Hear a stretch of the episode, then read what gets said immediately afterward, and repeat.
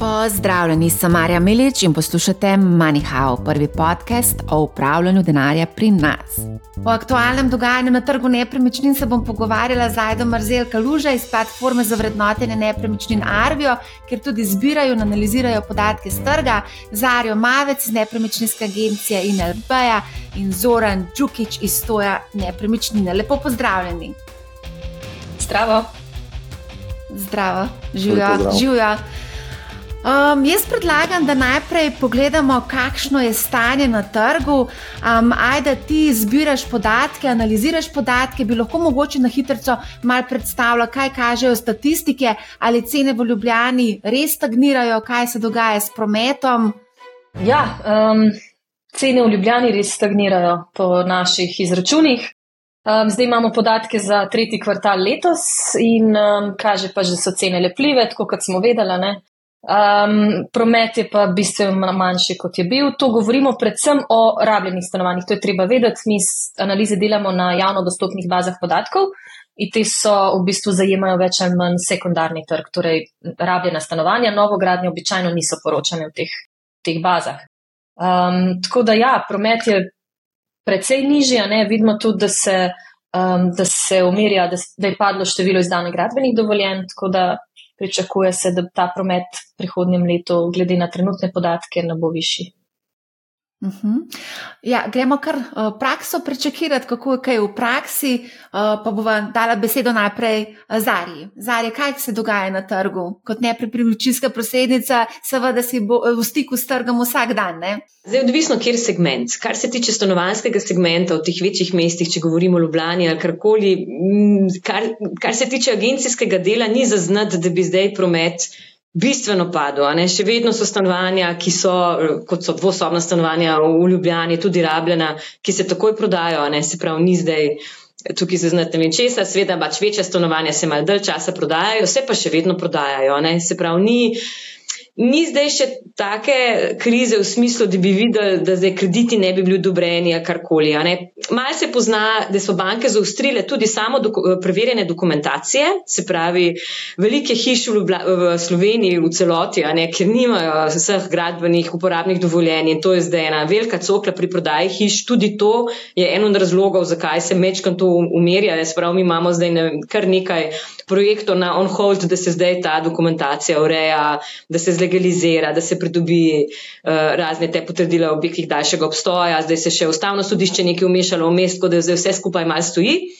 Uh, kar se tiče pa poslovnega dela, ne se pravi, bolj, uh, če, če govorimo o zemljiščih za gradnjo, za gradnjo stanovanj, predvsem pa za gradnjo poslovnih stvari, kot so skladišča in to se pa umirja, to se pa zelo pozna. Razlog je v tem, da, da je dejansko tisti, ki gradijo za trg, je za njih neznanka. Po koliko bojo prodali? Se pravi, zdaj se že znajo skalkulirati, ne? še vedno so zdaj cene zemljišč, ne? ker tudi ni pričakovati, da bo cena zemljišč ne vem, kako padla, so visoke na neki ravni, zemljišče vedno premalo, staj na dobrih lokacijah. Uh, ampak neznanka je, cena v prihodnosti. In zato dejansko zdaj, kar se prodaja od projektov, so projekti že s pravnomočnimi gradbenimi dovoljenji, ne to, da ne hitro nekaj obrnajo, morda malo manjši projekti, tudi izven Ljubljane, ne to je še vedno. Dost, dost na hiter gre. Zelo smo pa zaznali to, ko se podjetja odločajo recimo za gradnjo neke proizvodne ali pa za skladišča za svoje potrebe. So tudi že se je zgodili, da so odstopali od projektov, zato ker vem, veliko sodelujejo recimo z Nemčijo ali karkoli. To s tem se pa že pozna, da je pač tudi malo v upadu gospodarstvo in se v bistvu niso upali kupiti in so rekli, da, so, da bojo malo raje počakali. Uhum, zanimivo. Kaj pa pri vas, Zoranka, kakšna je situacija? Ja, pri nas je v bistvu zelo podobno. Bi rekel, da vse lepe stvari, dobre stvari, brez handicapov, napak, motečih stvari se prodajo takoj. Mi, naš promet bo letos isti ali celo boljši kot lani v vseh projektih, ki jih imamo v novogradnjah, prodajamo mečken v zmanjšenem ritmu, vendar imamo tedenske pogodbe in se nam skozi dogajajo podpisi.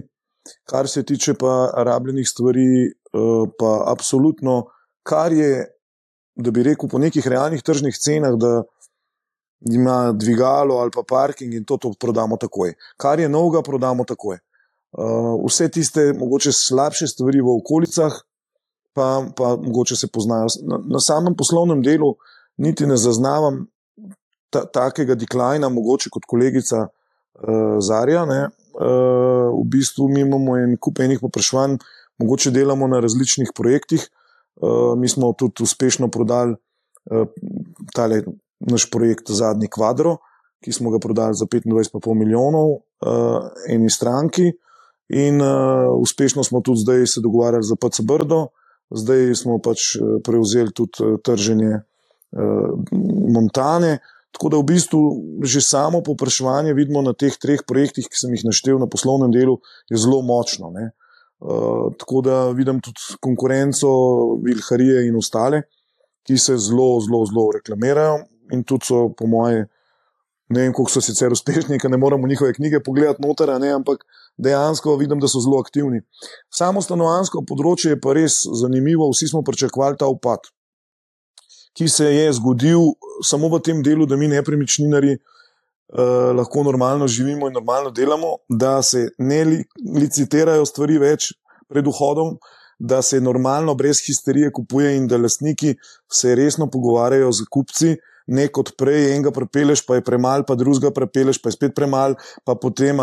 Zdaj imamo eno normalno prodajo, končno, da um, bi rekel, lahko normalno kupci tudi zadihajo, razmislijo, pogledajo več stanovanj in se potem lepo odločajo, dajo ponudbe ne samo na gor, ampak lahko tudi malo na dol, ne? končno. Ne? Uh, in se mi zdi, da to je ta utrip, um, ki ga jaz, oziroma v našem podjetju, vidimo. Mogoče, ko zdaj omeniš, da se daje tudi ponudbe ne samo na vzgor, ampak tudi malo na dol. Mogoče, ajde, če lahko poveš, kakšna je poprečna cena kvadratnega metra rabljenega stanovanja v Ljubljani. Zdaj, statistika je eno, ne? Eh, izkušnja na terenu je drugo, ne? to smo zdaj videli, eh, ker po statistiki je upad pač izreden, ne? v Ljubljani recimo rabljena stanovanja 25 postov, um, tako da to je kar ne upad, ampak um, očitno neki posli grejo. Um, kar se pa tiče povprečne cene, pa sem tam medijana v Ljubljani je nekje 3900, ne 3950, malo odvisno od statistike, ki jo pogledaš, ampak tam nekje. Um, mislim, da so bila pričakovanja, da bo ta cena se mal skorigirala, pa zaenkrat tega ni bilo. Ne. Uh, Skorigirala na vzdolj. Uh, ja, večino ljudi, s katerimi jaz govorim, v smislu analitike, ki se gleda gospodarstvo, ki se gleda ponudba, uh, um, ki se gleda recimo obrestne mere, ki so pomemben dejavnik tukaj, uh, se je pričakovalo pač nekako, da bojo neke korekcije, vse mogoče še bodo, ne, timing je vse, kadar vlagaš, um, ampak v tem trenutku pa pač teh korekcij cen ni bilo. Um, pri nas ne, v Sloveniji. Zdaj, mogoče bi se navezala na Zorana, ki je omenil, da se nič več ne licitira. Uh, moram priznati, da to je bil res svoj vrsten fenomen, ampak jaz mislim, da ta fenomen je izvenel nekje konc 2021, mogoče začetek 2022. Se motim? Lani, mislim, to je bilo, bil, bil, to je bilo res, kot je Zoran rekel, to je bilo prav. Um, Ni bilo še pred, več. Še pred kratkim. Ja, pred kratkim je bilo. No, v bistvu zdaj s temi res viso, višjimi obrestnimi merami se je mal mogoče zdaj to zaključilo. Mislim, ratal je normalno, ne? se pravi, ni, ker zdaj si rečemo upad, grozen. Tudi obrestne mere, ne? Sej, to, kar je zdaj, je relativno normalno bilo prej. Se pravi, denar nikoli ni bil tako poceni, kot je bil lani, recimo. Ne? To je bilo nenormalno. To, kar imamo zdaj, je normalno. Mi vsi govorimo, da je grozen, sem ni. Pravi, in ljudje so se mogli samo navaditi na to normalno spet.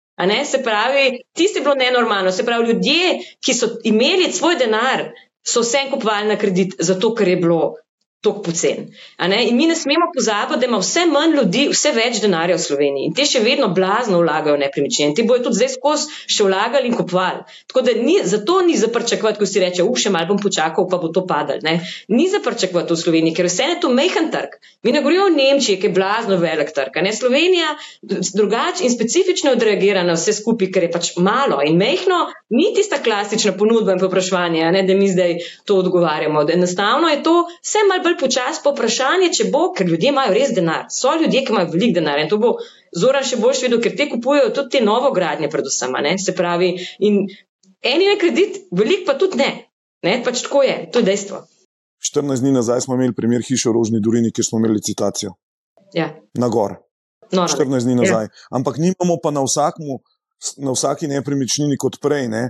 Se pravi, zdaj hočem reči, da se je to generalno zmanjšalo. Eh, kar se, kar se pa tiče to, kar je kolegica zdaj povedala, pa tudi jaz opažam to diskrepanco med uh, podatki, recimo iz Skandinavije, ki ste jih verjetno vsi pogledali, pa recimo ta nemški trg, o katerem smo omenili, ker je toliko velik projektov na prodaj, uh, pa najvišji padec je bil v skandinavskih državah.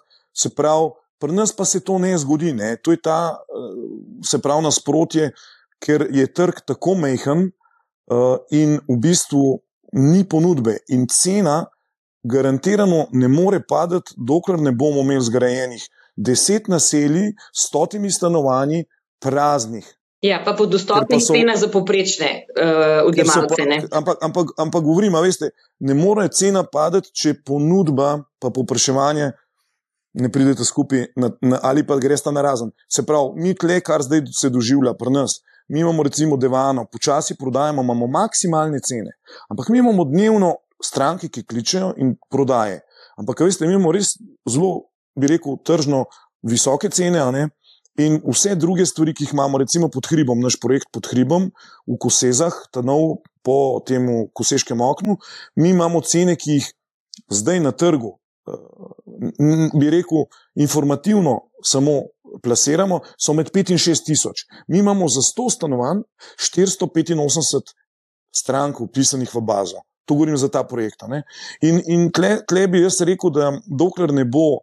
Eh, ponudba večja, se ne bo zaenkrat na, na cenovni politiki nič zgodilo, zaradi tega, ker jaz bi si želel, da bo res veliko projektov, zato da bi se vsaj cene rabljenih stanovanj ne bi bile iste, kot so novogradne. Se pravi, rabimo, tako mi rabimo. 20 novih projektov, da se cene umirijo in da se potem rabljena stanovanja res diferencirajo. Da rečemo, nimaš dvigala, ne moreš imeti to ceno isto, kot stanovanje v svoji sosedski, ne moreš imeti, nimaš garaže, ne moreš imeti. Se pravi, to, to, to se mi zdi, da se bo prva stvar, ki se bo zgodila, da se bojo cene rabljenih stanovanj bi se mogle spustiti, če bi bil dotok novih stanovanj. Uh, pač večje. Ampak, če pogledate. Pardon, prosti, ki ti skačem besedo. Da, bi da bi bila, recimo, te novogradnje, ki so res, da se pravi, pod 5-6 tisoč, ne, ni stanovanja novogradnje, da ga lahko kupaš.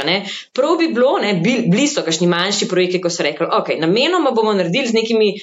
Srednje kakovostnimi materijali, ne, da bojo potem cene dostopne. Ampak to se je res prodalo čez noč. Pravi, cene so bile, recimo, vem, 4000, to je bilo kot da je za ston so še vedno ljudje to kupovali. Se pravi, manjše stvari, ampak na res lokacijah, tako to, da ti ni šel vlak pred nosom. Se pravi, in več bi mogli biti tudi teh dostopnejših novih projektov, manjših mogoče, tega pa ni. Se pravi, ne, se pravi, kakšne lokacije, ki niso zdaj idealne, uh, pa da bi se mogoče tudi za, za, za te poprečne odjemalce zgradili nekaj, kar je novo, ne, da ni zdaj vse staro.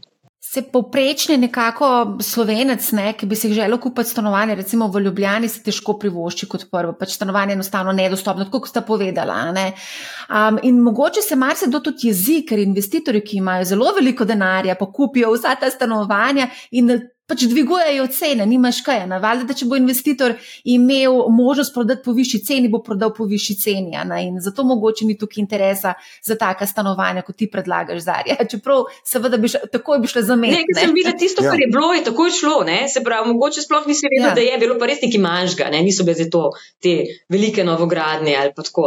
Sam, moramo se pa tudi navaditi, ne? mi smo še vedno navajeni, da bi vsi imeli radi v lasti stanovanje. To je res ne, ne, ta, ta predel. Eh, te, ne, te, tega sveta, vsi bi radi to imeli. V tujini, ne, v zahodnem svetu so lastniki tisti, ki imajo denar, tisti, ki ne pač stanovanja najemajo, ker lastnina tudi neki stane, v lastnino treba vlagati in pa z lastnino se je treba ukvarjati. Se pravi, to je tisto, ker mi ne moramo tega sprejeti. Ne, in jaz še dnevno poslušam, najeme metanje denarja stran, pa ni. Ne, se pravi, ti z najemom še vedno lahko zelo lepo skozi življenje prideš, ker imaš najprej nekaj manjšega, potem se ti družina mal poveča, pa še mal, pa še mal. Ne? Ampak mi tega nimamo v glavi, ne moramo tega sprejeti. Ne? Mi še vedno vsi želimo biti lasniki. Ne? To je tisto, kjer so tudi te pritiski na ta stanovanja tako velika. Pa zdaj, ne, v bistvu za nas res težko sprejeti, da si ne moramo stanovanj. Se ti ljudje ne morejo stanovanj kupiti. Mogoče tudi malo sociološko tukaj, ki prehajamo ja. iz enega drugega ja, režima. Ja, no, da, ne, ta del sveta, ne, v bistvu. Jaz bi se na kolegico malo navezal. Uh, jaz vedno pravim, da uh, mi smo v bistvu rojeni genetsko z opeko v trebuhu, ki jo moramo roditi vsi. Ja, prav, to je to. Se pravi, če izhajamo iz tega, zdaj, da se malo pohecamo, mene so velikrat citirali zaradi te izjave. Se pravi, mi smo vsi rojeni z opeko in vsak sanja, da bo te opeko rodil, ki bo zrasla v eno lepo hiško, v eno lepo stanovanje, v ta opeka bo zrasla, potem se razvila v eno počitniško stanovanje, pa pa eno opeko bomo dali za študenta, seveda eno bomo porabili še za uh, penzion. Tako da je v bistvu problem tega, uh, kar bi rekel, da je pri nas nerazvit kapitalski trg in smo zaradi. Težav v 2008 in 2009, zaradi uh, seveda tudi ciprskega primera, izgube delnic NKBM-ja in tako, vsi razočarani v kapitalski trg Slovenije. Mi finančnih instrumentov ne poznamo, govorimo širši javnosti, uh, da ne bo kdo užaljen, da sebe štejem zraven. Uh, ampak znamo pa kupiti stanovanje, pa ga da tu najem. To pa znamo. Znamo kupiti zlato, ampak zlato nima donosa, pa je mogoče tudi malo eksotičen, ker nismo bili na zlatu zrastali. Tako da v bistvu sama naša, tako kot je tudi rekla Marja, sociološko smo mi, eh, bi se res strinjal z njo, eh, nagnjeni k kupovanju nepremičnin, generacijsko, vsi večkrat. Ja, ne? Znamo, in, in, in tudi, recimo, jaz pa recimo sem, bi rekel, nisem tako pristaš kot Zarja. Eh, tega jaz sem mogoče mečkim bolj socialno usmerjen, da tudi socialnim, renljivim skupinam želim, uh, da si kupijo osnovno nepremičnino v last. Vse ostale pa ne najemajo na morju in tako naprej. Želim si, um, ker vidim uh, iz teh zgodb, ki se tudi mi smo zrastali iz leta 96, kjer smo na začetku delali samo ranljive skupine, ne, mi nismo bili velika agencija takoj, mi smo delali študente, mlade družine in potem smo šli šele na diplomatik in to. In vidimo to potrebo in predvsem zdaj vidimo uh, to razliko. Ta razlika zdaj, ki je nastala v srednjem sloju, ta je najbolj boleča. Ne mi vidimo tudi študente, vidimo mlade agente, ki hodijo k nam. In, in, in tle vidimo, kako težko srednji sloj pride. Tako da jaz, to, o čemer smo se prej pogovarjali, na 4000, jaz mislim, da je to en začaran krok, ki bi mogel biti sproščen z državno subvencijo in z državnimi uh, uh, zemljišči, občinskimi zemljišči, v bolj enostavno birokracijo pridobivanja gradbenih dovoljenj, subvencioniranja bank, prilagoditve projektiranja, kot je Zarja rekla, na cenejše produkte, na cenejših lokacijah, in da ne bi smeli presegati stanovanja trenutno 4000 evrov po kvadratnem metru, bi prodali vse. Jaz sem prepričan, da bi mi, kolegi, prodali sigurno 2000 stanovanj v enem letu, če bi bila 4000 z DDV-jem. Tudi zgraditi jih je treba prej, ampak dobro, detajli ne pomembni. Ali lahko mogoče tukaj ajde, vse ne so vključen zraven, kar se tiče samega vrednotenja nepremičnin, najde, če lahko mogoče malo poveš, kakšno je pa stanje tukaj. Ne? Se mogoče vrednotenja, ker vrednotenje nepremičnine je vse, a ne mogoče, ne vem, se dogaja, ne, ne, na trgu se potem mogoče malo drugače se skupaj odvije. Je pa to zelo pomembno, ko najemamo stanovanska posojila in podobno. A se tukaj kaj posebnega dogaja? Ja, mislim, ne, nič posebnega se ne dogaja na trgu vrednotenja nepremičnin. Vrednotenje sledi tržnim cenam. Ne? Mi pogledamo, po koliko so se prodale sklenjene pogodbe in potem se na podlagi tega dela vrednotenja. Ne? Ampak um, bi se pa navezala na to, kar sta rekla Zoran Pazarja. Um, ampak mislim, da govorite o nekem. Um, podsegmentu trga, to je treba vedeti. Um, Zoran je zelo veliko govoril o novogradnjah. Ne? Jaz imam tle podatke pred sabo, mi smo delali analizo razlike med oglaševano in prodajno ceno, sicer lani, uh, tako da za letos podatkov, pač za 2023 podatkov nimam. Um, ampak um, ta razlika med oglaševano in prodajno ceno, ne, so v bistvu so se škarje zaprle in je bila dejansko prodajna cena večja od oglaševane, torej to je licitacija, ki sta jo omenjala. Ampak to je bilo res leta 2021. Naj smo tle podatke potem tudi za nazaj in za naprej. Um, v 2022 statistično, se pravi na množici nepremičnin, se to ni dogajalo. Jaz ne rečem, da niso mogli biti posebni primeri, pa tudi mikrosegmenti trga se obnašajo drugače. Tudi to je treba vedeti. Recimo, to bo sta zihar znala mi bolj razložiti, ampak na številkah vidimo, da je ekran poseben uh, segment trga ne, in da se obnaša drugače, kot se obnašajo drugi deli. Um, tako da to je, to je en komentar, ki bi ga dala. Tako da Zato, ker se mi zdi pomembno, da se ljudje odločajo o nakupu stanovanja, da se odločijo glede na to, kar oni potrebujejo, ne, glede na dejanske podatke. Zato se mi zdi, pač moja želja je čim večjo transparentnost trga zagotoviti um, in se mi zdi pomembno, da take stvari izpostavljamo. Druga stvar, ki bi jo omenila, no, govorili smo o 2000 stanovanjih, ki bi prišla na trg in tako. Zdaj, te številke imam mogoče v glavi, pa me bosta popravila, če se motim, ampak v Ljubljani je bilo v letošnjem letu, se pravi eh, v zadnjih 12 mesecih, prodanih nekje 2000 stanovanj. Govorim o evidentiranih, rabljenih stanovanjih, da so tudi kakšna nova vmes, ampak o tistem, kar vidimo v evidencah.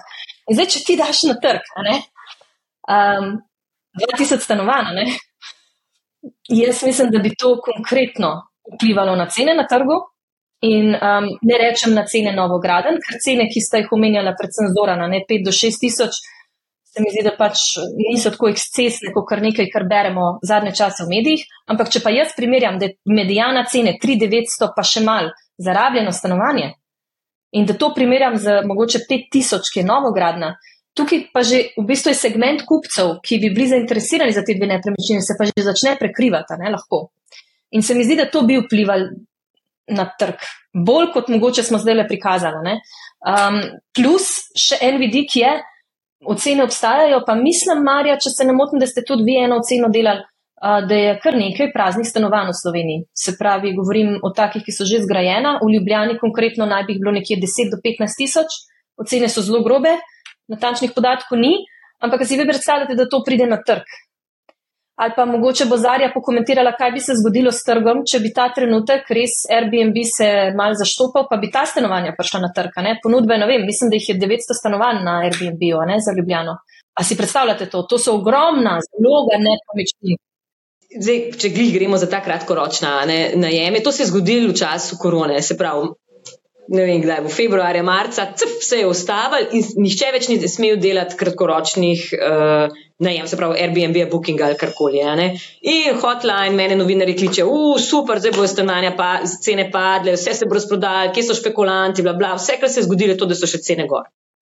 Tako da ta stanovanja, ki se oddajajo za kratki rok, so najbolj likvidna stanovanja na trgu. In vsi, ki so jih kupovali ali pa jih oddajajo, če ne oddajajo na kratki rok, se pač oddajajo na dolgi rok. Tako da ni take drame. Se pravi, ni spet, to je Slovenski trg je specifičen trg in se te stvari niso zgodile. In tudi, glavno, ne vem, en teden nazaj sem se z enim pogovarjala, ki zelo veliko laga, pa to pa čaka, pa mi razlaga v Londonu, kako je, pa kaj je bilo v Nemčiji, pa to ne rekel, ampak, ker je bila pa korona v Sloveniji, sem se pa res uštev. Vsi smo čakali, kako bo šel trg dol, trg je šel gor, to je bilo noro. Koliko se je takrat prodal, s tem, da agencije nismo smele delati. Se pravi, so vsi prodajali, ne, pač, ali pa smo delali na online ali pa kakorkoli. Se pravi, takrat se je blazno, so se cene zvišale. Tako da mogoče ni to za pričakovati, mi preveč gledamo mogoče te trende tudi na tujino. Enostavno korona je pokazala, da to ni res. Ker se, v bistvu je stal eno leto, pa pol leta so ti kratkoročni najemi stali, se ne spomnim več, koliko je bilo, ampak je bilo neko obdobje. Ne, so pač so se dali na dolgi rok najemnine, čist na kratki rok je to, so se najemnine, te mali stanovanj so šle mal dol, ampak zdaj so pa spet dvosobno stanovanje na 800 evrov. Pa je Airbnb v razmahu. Tako da je treba tukaj. Se mi zdi, da ljudje čakajo godoja, no? da pač se kar tako ne bo zgodilo, da bo kar krešnil dol. No? Zato, je, ne, zato je tisto. Najslabši termin za kupiti stanovanje je jutr. Ti moraš danes kupiti po teh kriterijih, ki jih imaš. Kakšne so resne mere, ne, vse se pravi, predvsem pa, če pa gremo prodati, zato da bom nekaj drugega kupil, pa sploh druga zgodba. Ne? Ti pa v bistvu vse en, kakšno je razmere na trgu. Tako da je treba zelo bolj na, na, na široko to pogledati. No? Če lahko mečka za sekundo ostanemo še malo pri Airbnb, vse sekundice, če lahko. Ministrstvo za gospodarstvo namreč pripravlja neko novelo, s katero naj bi nekako omejili to oddajanje. Kako pa na to gledaš, recimo, če bi dejansko prišlo do realizacije tega? To, ki je premaj stanovanj malih za oddajanje na dolgi rok, bo šlo pač na dolgi rok. Ne bojo se prodajala kratko, se pravi, ker so ta stanovanja že obstajala pred Airbnb-em, velikih je bilo, se pravi, to se sam preprodajal gor dol, se pravi, odnegdaj se dvosobno stanovanje Ljubljani vedno podajo zelo hitro, z zelo mehkimi korekcijami cen. Ne, se pravi, da bi rekla, da je bila kriza, pa da je ne vem, kako padala ali karkoli. Tako da se je trg pokazal, enostavno se bo to sam prekonvertiralo. Ne bomo pa videli, kaj bo s temi omejitvami. Jaz zdaj ne vem, pač, bo zdaj, če bo zdaj to res 30 do 60 dni, kot so rekli, pa če bo to zdaj zelo blano, ne vem, pač to je treba zdaj malo počakati, ker bo tudi občina, občine bo imele pač dost uh, ene besede, pa bomo videli, kako se bo tudi občina Ljubljana pa odločila, ali bo zdaj to upoštevala ali ne, ne. Jaz bi samo dodal, da mi že zaznavamo popraševanja strank, ki imajo po več stanovanja Airbnb-a, da bi šlo v prodajo. mi to že zaznavamo. Že zdaj. Takoj, Kaj pa je razlog? Bil, ne bojo nič niže cene. Zato, ni, nisem, nisem, nisem nič smislu glede cen. Hočem reči, da smo imeli zelo veliko klicev strani lastnikov Airbnb, ki so bili včasih naši lastniki, kjer smo oddajali dolgoročno, pa so šli pa v Airbnb. In zdaj smo videli, da so nas eh, kontaktirali ne zato, da bi dolgoročno oddajali, ampak predvsem, da bi prodali. In to kar je ene lepe stvari po centru Ljubljana. Ja, sam, kaj pa je razlog, zakaj želijo prodati? Zaradi tega novega zakona, ker se bojijo, da bojo prepozni, ko bo zakon sprejet, da ne bojo mogli iti ven po izhodni strategiji, cen, ki jih imajo zdaj planirane. Um, prej je Aida omenila 10 tisoč praznih stanovanj. A je to res realna številka in zakaj so ta stanovanja prazna? Oddajajo se ne, nihče ne živi v teh stanovanjih. Kaj je s temi stanovanji praznimi? Jaz, kot sem uh, zasledil, uh, je Elektro Ljubljana dala podatke tudi Fursu, ne, da je nekje cirka 11% stanovanj, ki se, ki se ne oddajajo praznih, uh, eh, 11,5 se mi zdi, da je pod 500 kW uh, porabe energije. To jaz mislim, da dejansko obstajajo stanovanja, če smem povedati, uh, v naseljih, predvsem v novogradnjah, ostajajo prazna. Pa bom tudi povedal, zakaj, ker mi smo jih veliko prodali. Uh, govorim iz vlastnih primerov naših projektov, kjer vemo, komu smo prodali in zakaj, ker smo tudi specializirani za oddajo in nam jih ne date za oddati. Predvsem opažamo vsa ta leta to, da je problem, da je zakonodaja stara pri najemnih razmerih. In to, mi imamo staro zakonodajo, stanovanski zakon, jaz nisem pravnik, ne vem iz katerega leta, kjer imamo čist neživljensko zaščitenega najemnika, še po starem sistemu, kar ni nič narobe, ampak bi mogli uravnotežiti z najemodajalcem. To pa pomeni, pogledajte, kupimo stanovanje za 500 tisoč in ga bomo zdaj dali v najem. Noter smo dali opreme za 50 do 100 tisoč evrov in zdaj ga bomo noter dali v najem, da bomo dobili za njega, recimo, če je to, recimo, da je to 80-90 kvadratnih metrov stanovanja ali pa 100, bomo dobili Jurija pa pol ali pa Jurija 700. Ne?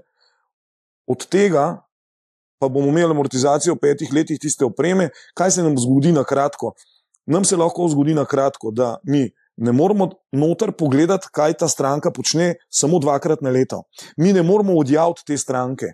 Tako kot bi si želeli. Mi ga uradno ne moramo ven vršiti pred dvemi leti. Če delamo notarski zapis, rabimo eno leto. A vi veste, kakšen je to rizik za nekoga, ki je dal 600 tisoč evrov in ga bo kar lepo oddal? Ne bo ga oddal.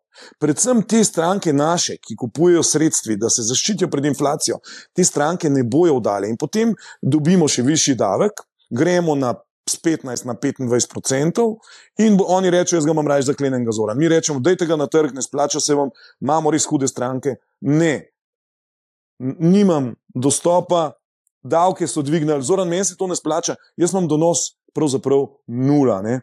In, in, in če država želi ukrepati, jaz skozi to apeliram. Mi smo imeli tudi nepremičninsko konferenco na gradu z ministrstvom in smo se seveda pogovarjali.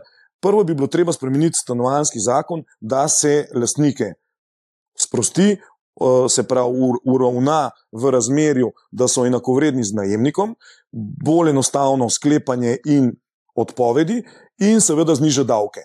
To bi bil prvi ukrep, ki bi na, na najem ni trg prinesel veliko praznih stanovanj, veste. Tako da, tako da to je takoj za narediti. In tle imamo takoj fond. Ni ga treba iskati, ni ga treba graditi, ni ga treba nič. Samo ljudem je treba spustiti možnosti, spustiti davke, da se jim to splača. Imamo takoj najemni fond, sigurno večji za, jaz bi lahko rekel, za tisoč stanovanj.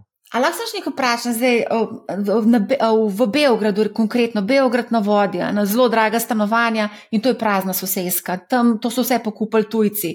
Koliko je pa teh nakupov tujcev pri nas, teh graden oziroma novograden? Ne velik, res? Ne velik. Imamo specifiko, se lahko kolegica pove, tudi dela s tujci. Uh, mi v, naši, v našem podjetju, recimo, bi rekel, ma, nimamo recimo 3 do 5 odstotkov eh, na projekt tujcev v sami zgradbi. Recimo, veste, če se spomnite tistega zakona pred EU-jem, ki so rekli, da pokupili nas bojo italijani, a ne, mi zdaj prodajamo v Gorici projekte, a veste, mi smo imeli eno italijansko popraševanje za blok v Gorici. Tako da tle v Šelenburgu se vemo vsi, da smo imeli par popraševanj in seveda so se tudi realizirale, kupci London in to vemo. A ne, ne štejemo naših, eh, ki so v tujini kot tujce, štejemo samo tuje pasporte in eh, če to štejemo, je izredno malo. Mi, mi, tudi problem pri nas, veste, zdaj smo se dotaknili malo socialnega dela, pa najemnega, ampak lahko vam pa eno stvar povem. Zakaj pri nas ni rekordnih cen nepremičnin?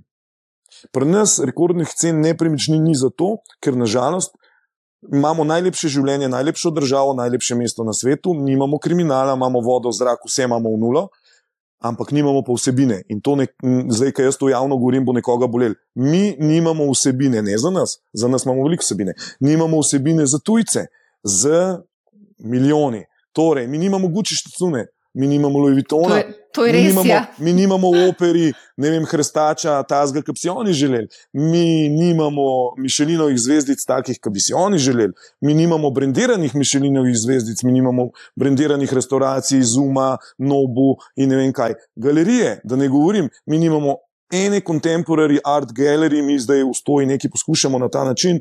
Mi imamo se pravi lokalno našo prekrasne slikarje, ki njih pravzaprav ne zanimajo. In se pravi, če rečemo, bomo prodali hišo na 5 milijonov, ne bomo.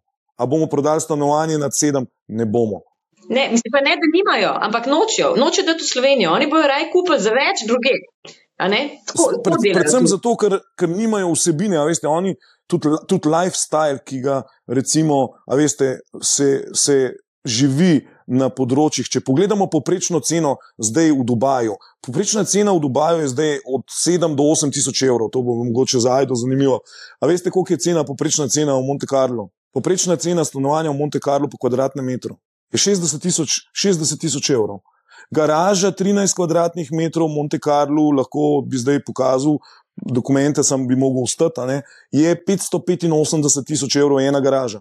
Ampak tam je neomejeno vsebine, je davčna oaza, kar jo mi nimamo, in vsebine neomejeno. Kar se pa tiče srednjega sloja, srednjih milijonarjev, tujcev, bi rekel, da so v rangu, da so vredni 5 do 10 milijonov evrov. Te pa imamo.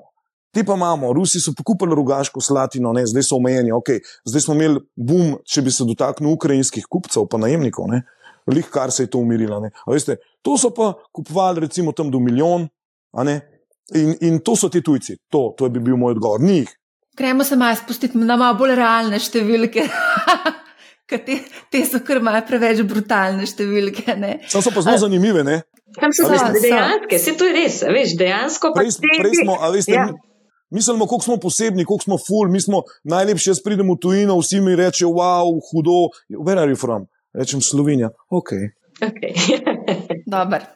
To je tako realno, a veste, ne? se pravi, mi investicijsko nismo prav zelo zanimivi. Ne? In zato so cene, uh, se pogovarjamo o teh okvirih, zato tudi Čelenburg ima težave s temi cenami, veste, ki jih ima. To so cene za kupce, ki so res v višjem sloju. ne. Kakšne so cene v Šelenburgu? Od 9 do 12 tisoč evrov Ja, po kvadratnem metru. z 9, potem so pa dvigovali, ne, do 13 pravijo, da bo šlo. Aha, smo že na 13, Ja. ok. Koliko stanovanj je pa, koliko stanovanj je pa praznih tam? Ni jih je prav veliko, ne vem, koliko jih je. Jaz mislim, da je to vprašanje za gospoda Sudina. Ok, sem se, da veste. V Ja. glavnem, um, um, a gremo mogoče kar naprej. No, uh, se pravi, kdo so danes kupci stanovanj? Kdo, kdo danes kupuje stanovanja? Družine, posamezniki, investitorji, kdo, kdo so kupci? Zaenkrat, če vsi, no, mislim, morem, kar se tiče zdaj spet, od- od- odvisno kaj je. ne. Ni, ni se ustava, da bi rekel, zdaj pa primarna nepremičnina, v smislu primarne, da ti v njej živiš, pa to, da se to ustava. Sej, Itak je nepremičnina vedno vezana na, tvoj, na tvoje življenje. Ne? Ali se poročiš, ali se ti rodi otrok, ali se ločiš, ali ti kdo umre, a ne skozi skos se ti to nekako vrača. a Ne? Tako da so, se pravi, spet smo, to so mogoče malo preš, m, preširoko vprašanje. Se pravi, v bistvu so v, za določen segment so pač kupci, ti tujci, kot je Zoran rekel, so pač bolj za plesirati denar, verjetno, kot za to, da bojo delali investicije. ne. Uh, in je v bistvu to čist en drug moment, zakaj oni kupujejo v Sloveniji, ne, ali pa pač zato, ker je jezik dosti podoben, pa jim je potem fajn, mi družine tukaj, ne, pa pol tukaj živijo, ki je varno, veliko bolj kot kje druge, ne, tako. To je tudi bil velik raz, en od razlogov, ne, tako v temo, tako da so zelo različni kupci.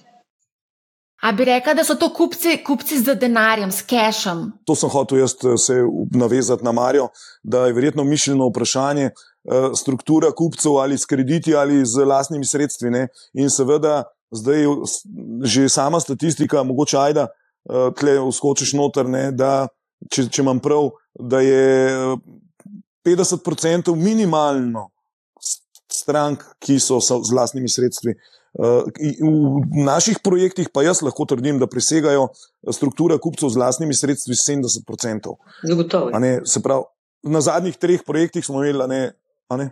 Če pogledamo podatke, ne, mi smo delali na vzorcu ta pregled, sicer se tu obstajajo tudi podatki Banke Slovenije glede tega. Ne. Ampak um, jaz ne morem reči, da kupijo z gotovino tisti, ki ne kupijo s kreditom, to ne moramo trditi. Mi moramo vedeti, da iz teh podatkov, ki jih mi lahko javno obdelujemo, ne, um, prvič lahko obdelujemo samo vzorc, tako da spet. To ni bil Šelenburg, kar smo mi obdelovali, ampak smo delali na vzorcu Šiške um, se izkaže, da je bilo v zadnjem kvartalu Q3, se pravi, ne, nekje 50-50. Ja, 50% kupljenih z zavarovano s hipoteko, 50% na drugačen način. Zdaj, jaz, ali je bila to gotovina, ali je to mama vzela kredit na hišo, to ne morem reči, ne, tega ne vemo. Iz podatkov. Ne. Mama, mama ne more to vzeti kredita na hišo. Mama ne more to kredita na hišo dobiti, veste, ker uh, banke niso, banke niso nepremičninarke. Oni gledajo denarni tok. Banko ne zanima, koliko ima mama nepremičnin, ne bo dala sinu denarja. Banko samo zanima denarni tok kupca. To je dejstvo. Ne, ne, ne, tukaj se ne razumemo. Zavarovanje je ne, ne glede na, na, na denarni tok. To pa vem, sem delala v banki dosti dolgo. Tako da denarni tok je tisti, ki se, te naredi kreditno sposobnega. Ne, ne odloča pa v zavarovanju. O tem se pogovarjamo. Ne? Tako, se pravi, mame niso mogle dobiti kredita zato, ker imajo hiše, ampak so bile lahko porok, pa penzijo zraven dale, da bi to lahko nekdo si vzel, ne?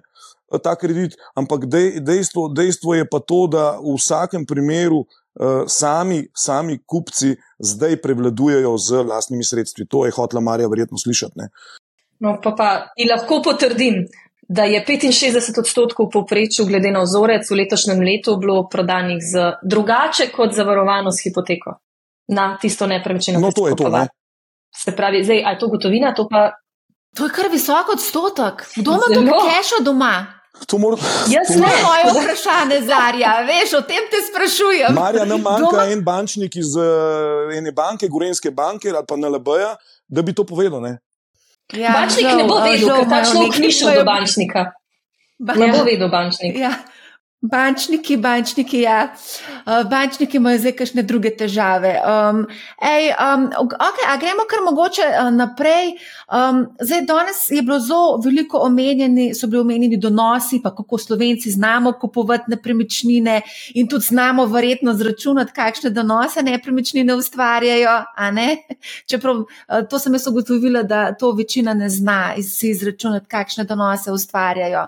Ampak danes imamo kar nekaj alternativ alternativ nepremičnini, ki so mogoče bolj z vidika večjih razlogov, bolj primerne, recimo obveznice, zakladne menice, ki nosijo relativno lepe donose in ne rabiš se ukvarjati z najemnikom. To je tisto, kar smo se tudi prej pogovarjali. To je ta, ta zoparan del. Ne? Zoran je povedal prej, ne? mene so tudi tako nekako, se mi zdi, generacije vzgajali pač najprej, krav, eh, najprej štalca, pol pa kravca. Ne? Tako da to nam je položeno v zibel, ko jaz rečem ta cego, ki ga imamo v genomu. Ne? Ne, ampak v bistvu ti kupuješ uh, nepremičnino brez zaradi ohranjanja vrednosti, kot zaradi donosa. Ne? To moraš imeti v glavi. Ti ne, ne, ne kupuješ. Ne?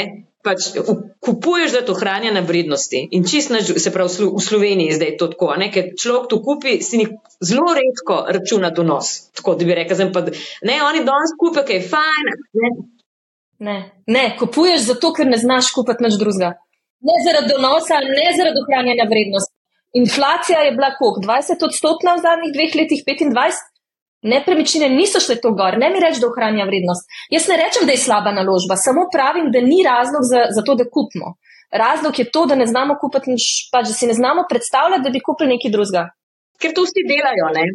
Ja, ja, jaz bi, jaz bi tle, če, če, če, če smem sam dodal, eh, da uh, mi imamo kupce, verjetno tudi vi, Zarja. Eh, da je donos nepomemben.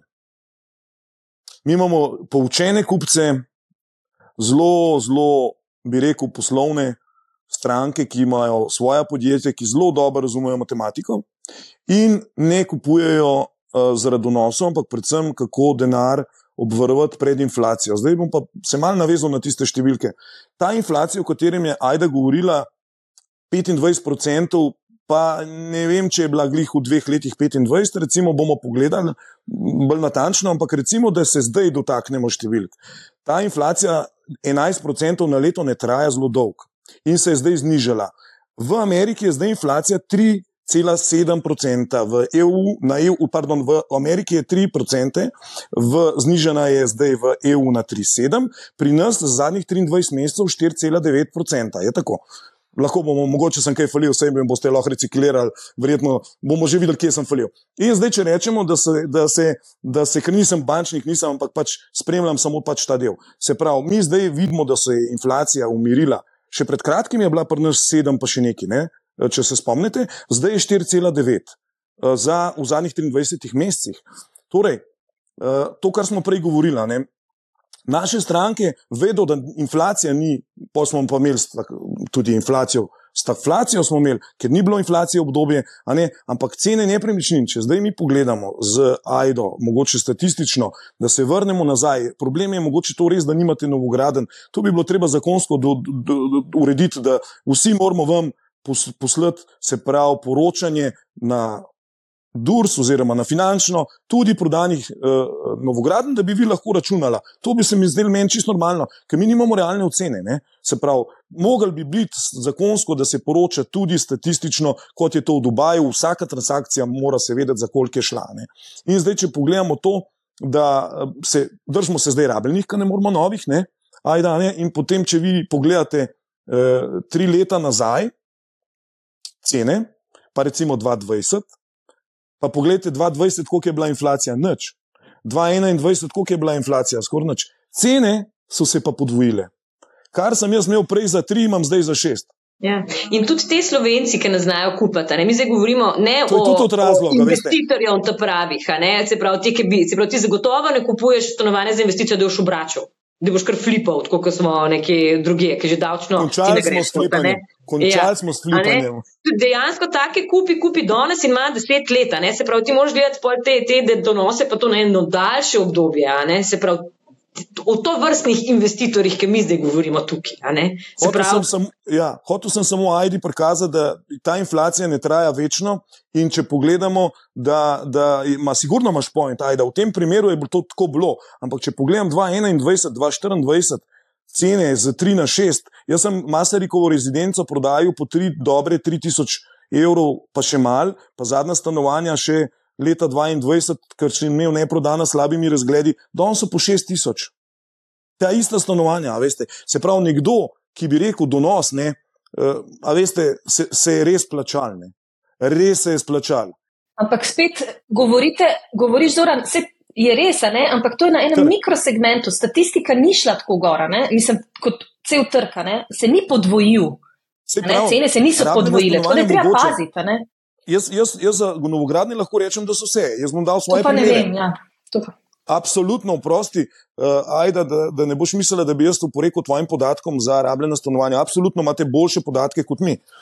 Ampak, kar se tiče novogradnje, vzamemo moje koseško okno. Jaz sem ga prodajal po dobri 3000 evrov, no zdaj ga poskusimo kupiti za 6. Ni ga. Za 6 se bo prodal takoj, Cene koseškega okna so podvojene, cene Masarikove rezidence so podvojene v dveh letih. Ja, pa tudi ta mala stanovanja mi prodajamo po, po 5 jurjev, to stara. 5000 evrov so ta stara stanovanja, 30-40 kvadratov. Da... Vi greste lahko pogledati oglaševanje cene zdaj v, v, na nepremičnine.net, po koliko so ta stanovanja. Ne? Mi dobivamo popraševanja 100 kvadratnih metrov, prosim, zrihtite me v koseškem oknu, imamo 600 tisoč takoj. takoj. No, tako. in tukaj se vrnemo nazaj na moje vprašanje, kdo so vaši kupci? Veš, odkje je denar, odkje je denar za take velike zneske? To ni zdaj. Pol milijona. Mislim, da, Zoran, da si ti rekel pred kratkim, da danes, ko smo se pogovarjali, pol milijona pred, parim, eh, pred enim letom ni bilo nič, danes se pogovarjamo že milijonskih zneskih. Ja. A ni to grozen? Ja, Kako bo mlad človek si prvoščil neko majhno stanovanje v Ljubljani ali pa malce izven Ljubljane? To sem prej govoril, meni je tega strah. Ja. Jaz imam nečaka, ki je star 14 let in, in, in kako si bo on kupil stanovanje. Ene študente, ki pridejo, jaz se popolnoma strinjam, sem to mi tle ne moramo rešiti. Ne moramo, ne moramo. Na tem nivoju in, in jaz samo povem, to je, uh, jaz bi tako povedal, zelo enostaven recept uh, za vlado zelo enostaven, ker vlada je naravnana socialno. Jaz se tudi strinjam, jaz nisem za čisti kapitalizem, res ne. In tudi te številke, ki se pogovarjamo, se pogovarjamo za biznis, v redu. Ampak država bi mogla zelo enostavno, kot Hrvaška, narediti, dragi moje revnljive skupine, ko izkažete svojo revnljivost. V teh segmentih, z dohodki, z otroci in to, imate subvencionirane stvari. V mi subvencioniramo najemnino. Tako je v Zagrebu, a veste. Se pravi, če je najemnina tisoč, če je najemnina 1000 evrov, bo država dala 400 zraven in mi takoj uredimo ranljive skupine.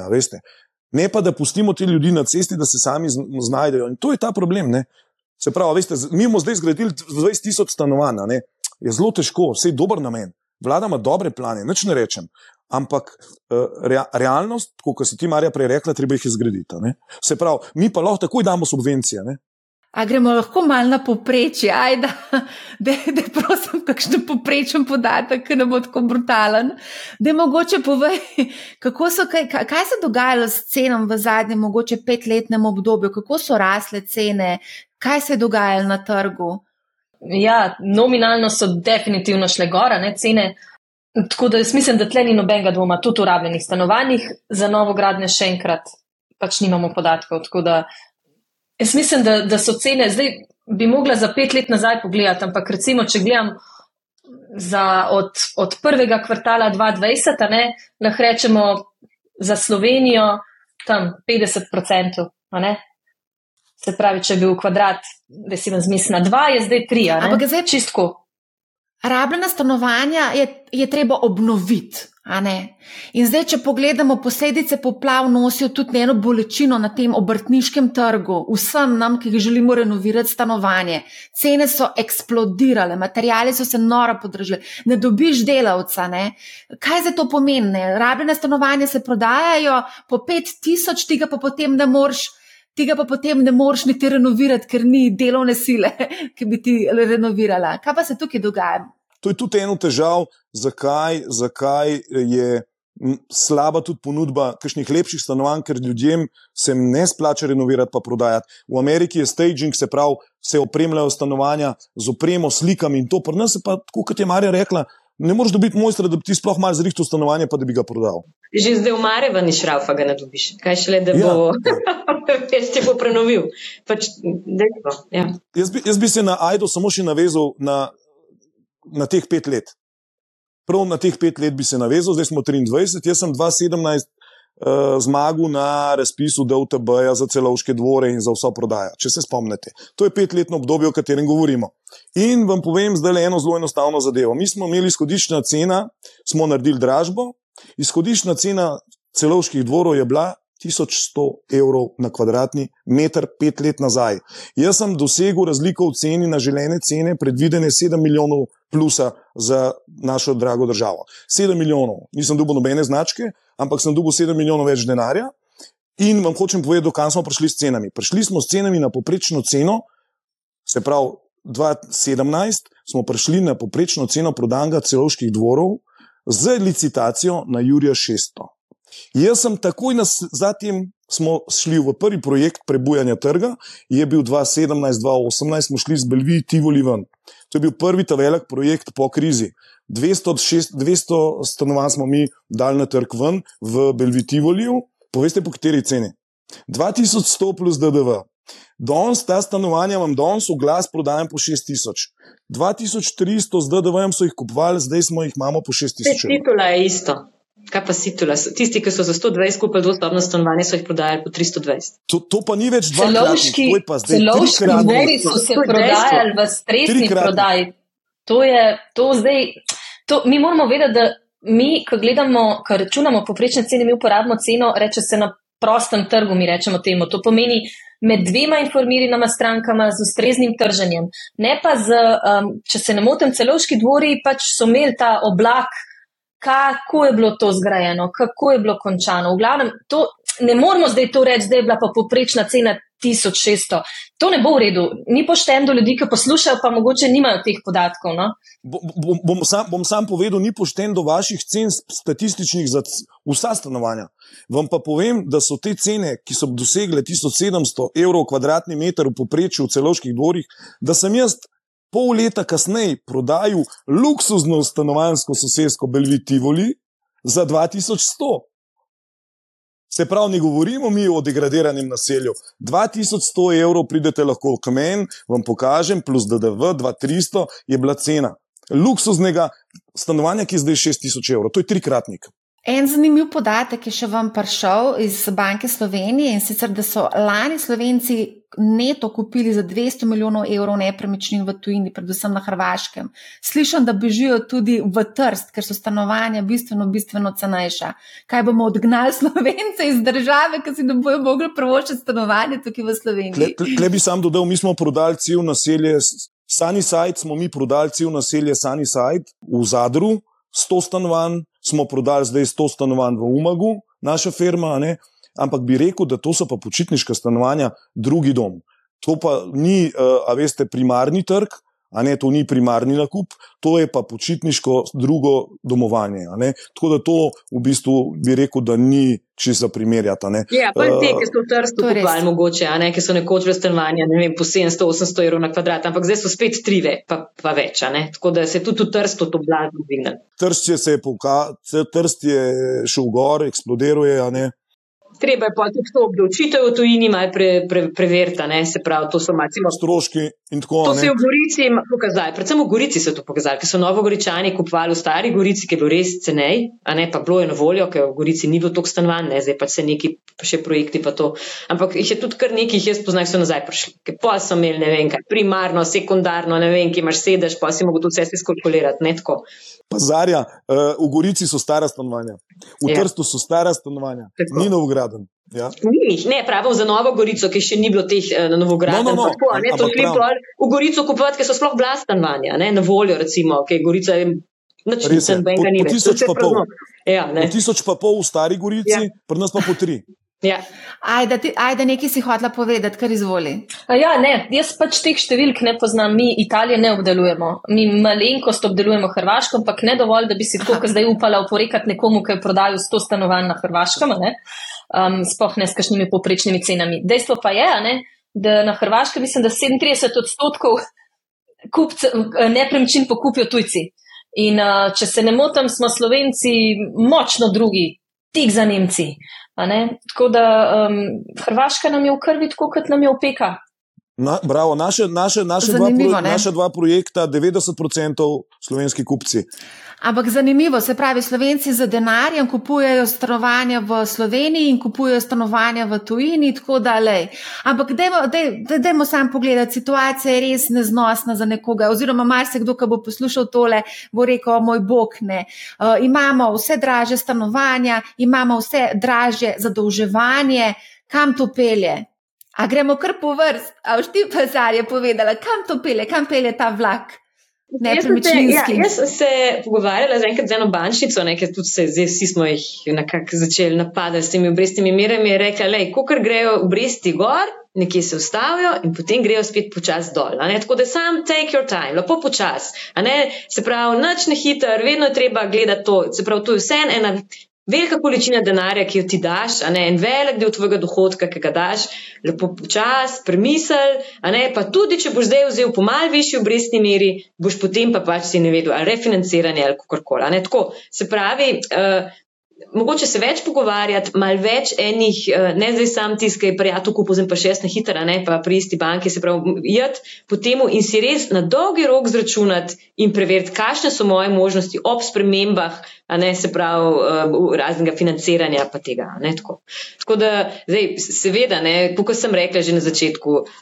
Ko so se obrestne mere začele dvigovati, tisti, ki so kupovali kredit, so seveda najprej malo, ne, mogli ugrizniti to kislo jabolko, pa so pa videli, da ne bo šlo dol, so pa spet začeli kupovati. Večji problem bo, ne, to je bil tudi problem takrat, ko je tista kriza, ali bojo imeli dovolj uh, za tisto lastno udeležbo. Se pravi, ker zdaj v tem času poceni denarja, so spet po 100% dobili financiranje, če ne s hipotekarnim kreditom, pa z raznimi potrošniškimi. Ko je bila pa največja kriza, si pa ti mogel imeti 40% maksimalno lastne udeležbe, kar je pa za nekoga velik denarja. A ne, da je v bistvu svojo če govorimo o poprečnih plačah, ne o teh poslovnežih, ki kupujejo, ki smo prej govorili, da se zdaj pač usredotočimo na to, bolj na te pač poprečne ljudi, ne s poprečnimi plačami, je pa zelo velik denarja. Imeti to gotovine, ne sprav svojih lastnih sredstev, ne gotovine, svojih lastnih sredstev na voljo. Um, mogoče recesija trka na, na nemška vrata, verjetno tudi nanaša na leta 2024, nekako se nekako pričakuje, da bomo vstopili v to recesijsko obdobje. Ali misliš, da to pa ne bo nič vplivalo na trg nepremičnin? Verjetno bo šlo vse malce bolj počasi. Te, ki nimajo, se pravi, ne, to zdaj tiskaj smo mi, da zdaj z Doronom očitno naredila eno, eno tako famo okoli tega, kako se zdaj to hitro proda. So ljudje, ki imajo sredstva. To so poslovneži, ki delajo, to ni zdaj nekdo, ki ne vem, šmugla ali karkoli, da nam zdaj to tako predstavljali. Ne, se pravi, to so ljudje, ki delajo in so pač zdaj res zelo velik in dobro zaslužili. Je tudi moment kripto, ne, zdaj je kripto gor, kripto dol, kakorkoli. To je treba spraviti v realni sektor. In tudi te dajo ta denar. Tega momenta v prejšnji krizi ni bilo. Ne, se pravi, ne glede na to, kje smo mi zdaj v tem kripto svetu, še vedno kripto je. In kupujejo tudi te ljudje nepremičnine. Ne? Se pravi, in to je tisto, ki, ki pač bolj ohranja cene na ravni, kot bi si mi želeli. Vsekakor pa bojo te uh, cene potem padle. Jaz mislim, da padle na bojo. Ustavile so se pa in tako že, zato smo pa že ugotovili, ne? da ne grejo zdaj več kot strmo na vzgor. Torej, Zoran, um, vse skupaj. Mogoče bi še Aidi dal prej. Mogoče bi, bi še Aidi dal prej. prej. Ja, res. Uh, besedo, ker tudi v statistik, statistična napoved tudi mene zelo zanima. No, da povej, kaj ti kažejo statistike, kje bomo leta 2024, kaj kažejo. Mene to zmer sprašuje. A lahko jaz najprej povem, da uh, če bi jaz to vedela, mi se danes ne bi tle pogovarjali, ker bi jaz imela milijone in bi ležala na Bahamih. To je najprej, kar naj povem. Druga stvar pa je, da uh, gledala sem na Hrvaške centralne banke eno predavanje, sem poslušala, kjer so pokazali, kako je cena stanovanske nepremičnine neposredno korelirana z BDP-jem. In zdaj pač vemo, so, kakšne so napovedi. Ne? Mislim, da so napovedi zelo nizke rasti, pa še to vprašanje, če bo kaj skozi popravljajo. In um, ukolikor bo prišlo do resne recesije, Jaz se ne morem strinjati z Arijo, da pač ne bo popravkov. Jaz mislim, da bojo. In če govorimo, če poslušamo Zorana, ki gradi objekte in jih daje na trg, novo gradnje, 5 do 6 tisoč evrov na kvadrat, zakaj za Boga mislimo, da 4 tisoč evrov za, za, za 70 let staro stanovanje v redu cena? Glede na to, da je 2000 prodaj v Ljubljani, Imamo pa, mislim, da ta trenutek v izgradnji v Ljubljani 3000 novograden. Seveda ne bodo vse v enem letu, bodo čez daljše obdobje, ampak spet pa ne bojo čez pet let. Tako da to bi jaz rekla, da si treba naliti čistega vina, um, da ne bojo, pač pa se mora vsak sam odločiti. Je pa izračun, če ti kupuješ prvo nepremičnino ali investicijsko nepremičnino, bistveno drugačen. Bistveno drugačen. Ja, tako da to se mora vsak sam odločiti. No, mislim, dejavniki iz gospodarstva, iz statistike, kako je Zoran rekel, so pa takšni. Korelacija med ceno nepremičnine stanovanske in BDP-jem je neizpodbitna. Videli smo, kaj se je zgodilo, ko so šle obrestne mere gor, ko se je to okno priložnosti, življenjske priložnosti s fiksnimi obrestnimi merami po 1,8 zaprlo. Uh, to je tudi ustavilo takrat promet in um, te dejavniki so tukaj. Če bi pa jaz vedela, kam bo šel BDP in kam bo šle cene, pa kot sem rekla, bi bila kje druge. Tako da to je statistika. Jaz bi, jaz bi pa mogoče zdaj uh, nekaj tudi zelo mogoče drugačnega povedal. Ne? Jaz bi se sam dotaknil uh, COVID-a. Zdaj pa rečemo napovedi COVID, ki so bile, lahko jih recikliramo in so zelo zanimive, če gremo pogledat finance, delo, kaj so gospodarstveniki napovedali ob začetku COVID-a, med COVID-om in kaj se je potem zgodilo. Če jaz zdaj skrajšam, vsi so napovedovali katastrofo, uh, in se pravi, ampak res, če boste vzeli največje slovenske menedžerje, lastnike podjetij, boste videli, da so napovedovali konc sveta. ljudje so padali v depresijo, se pravi, srednji sloj nas bojo pobil, teorije zarote, konce, vse smo fertik, ne bo več noben delo, vse konc. Tako je bilo in to lahko berete. Zdaj pa, zgodil se ni pa čist nič, ampak cene so se pa podvojile, čeprav me bo ajda zdaj kregala, ne? ampak uh, pustimo zdaj v kjer obdobju. Zdaj pa po drugi strani bom pa jaz nekaj drugega dal, bom povedal. Jaz pa takrat nisem bil tako pesimističen, kar se da tudi pogledati v reciklaži, bom pa zdaj nekaj povedal zelo zanimivega. Mi pogledamo to, kar je Zarja prej govorila, da je naš trg izredno specifičen in mi nimamo nobene ponudbe. Zdaj bom pa to povedal na, na drug način, ker sem jaz večni optimist. Vam bom pa zdaj eno drugo stvar povedal. En scenarij, ki bi si ga vsi želeli, ampak ne vem, če se bo zgodil. Ampak jaz se pa upam danes trditi, da je zelo uh, možnost tega scenarija, ki ga bom pa zdaj napovedal, 50% ali pa celo več. Se pravi, znižala se je. Znižala se je inflacija v Ameriki, znižala se je inflacija v Evropi, cena zlata je šla fulgor. Kaj se nam zdaj dogaja? Jaz vam povem, da se zna zgoditi, da bo leta 2024, maja, tudi konc vojne v Ukrajini. Maja. Tudi drzno. Tudi drzno napovedujem, še, še to bom zraven dal, da bo bolj zanimivo, ne, da so to vsi indeksi taki, ki sem jih napovedal, znižanje, se pravi, inflacije, skokovita rast cen, znižene cene energentov, tudi že pri nas niso več elektrika, pa nafta, pa ne vem po kakšnih cenah, v Ameriki, da sploh ne govorimo. Ne? In vam bom eno stvar povedal. Tudi ta vojna, ki se tako zdaj vsi bojimo, ki prinaša negotovost na trg. Eh, če zdaj beremo novice, vidimo, da ameriški kongres niti več ne ve, če bom financiral to vojno. Če pogledamo države, Slovaško, Mačarsko in to, ljudje so rekli, mogoče bi mi to malo ustavili, da se fanti zmenijo med sabo. In to se čez noč lahko zgodi. Afganistan, američani so šli v Afganistan čez noč, lahko se to zgodi zdaj le v. Kaj se bo potem zgodilo? Potem se bo zgodilo to, kar. Se vam bom pa zdaj povedal. Se pravi, energenti iz Rusije več ne bodo tako dragi, ker bojo šli leteli nazaj, na vzhod cement ali z Brazilijo ali z Saudsko ali to. In se bo zgodila ena stvar. Deinstru, dein, se pravi, industrializacija se ne bo več upočasnjevala, se lahko tudi obrne. Tako da jaz bi tle bil zelo previden, kar se tiče teh negativnih napovedi. Ki se kažejo, jaz mislim, tako po domač. Najhujše stvari so se zgodile v Evropi. Najhujše stvari so se zgodile.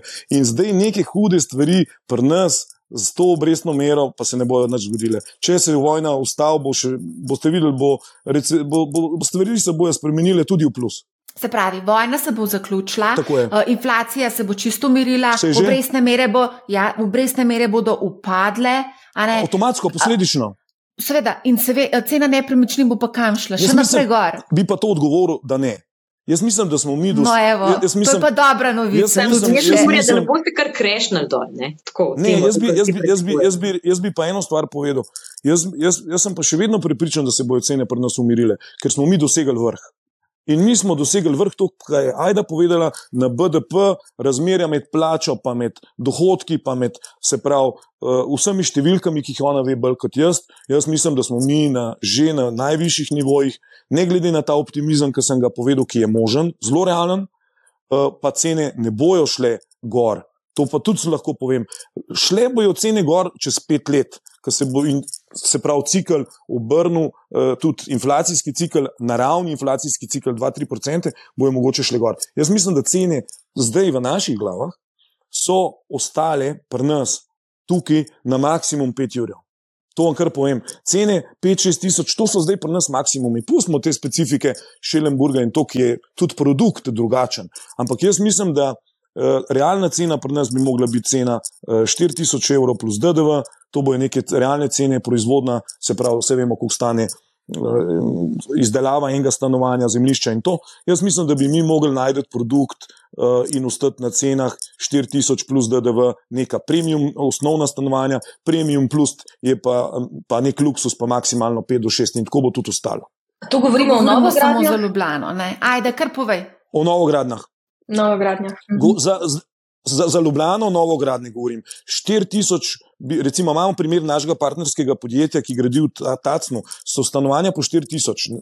4000 dobrih plus DDV, se pravi, oni, oni so vse prodali. Ampak, eh, če pa se dotaknem prej, eh, kot je Marja rekla, okolice, mesta, Gorice, Kranji in ostalo, kar je sosednjih mest, postojne in to, bo pa ostalo na 3-3,5 po kvadratnem metru novogradne.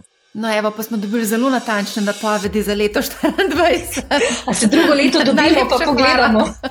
Želim si, da bi me nekdo tudi recikliral, ne bom imel čist nič proti, če sem vse falil, ampak uh, kazalci so zelo resni. Ne? To, kar sem povedal, veste, zdaj beremo. Včeraj je bila novica, da se kongres uh, ne ve, ali bo financiral vojno. Danes vemo, da je inflacija padla, vemo, da nimamo ponudbe tukaj, vemo, da so se najhujše stvari v Evropi že zgodile.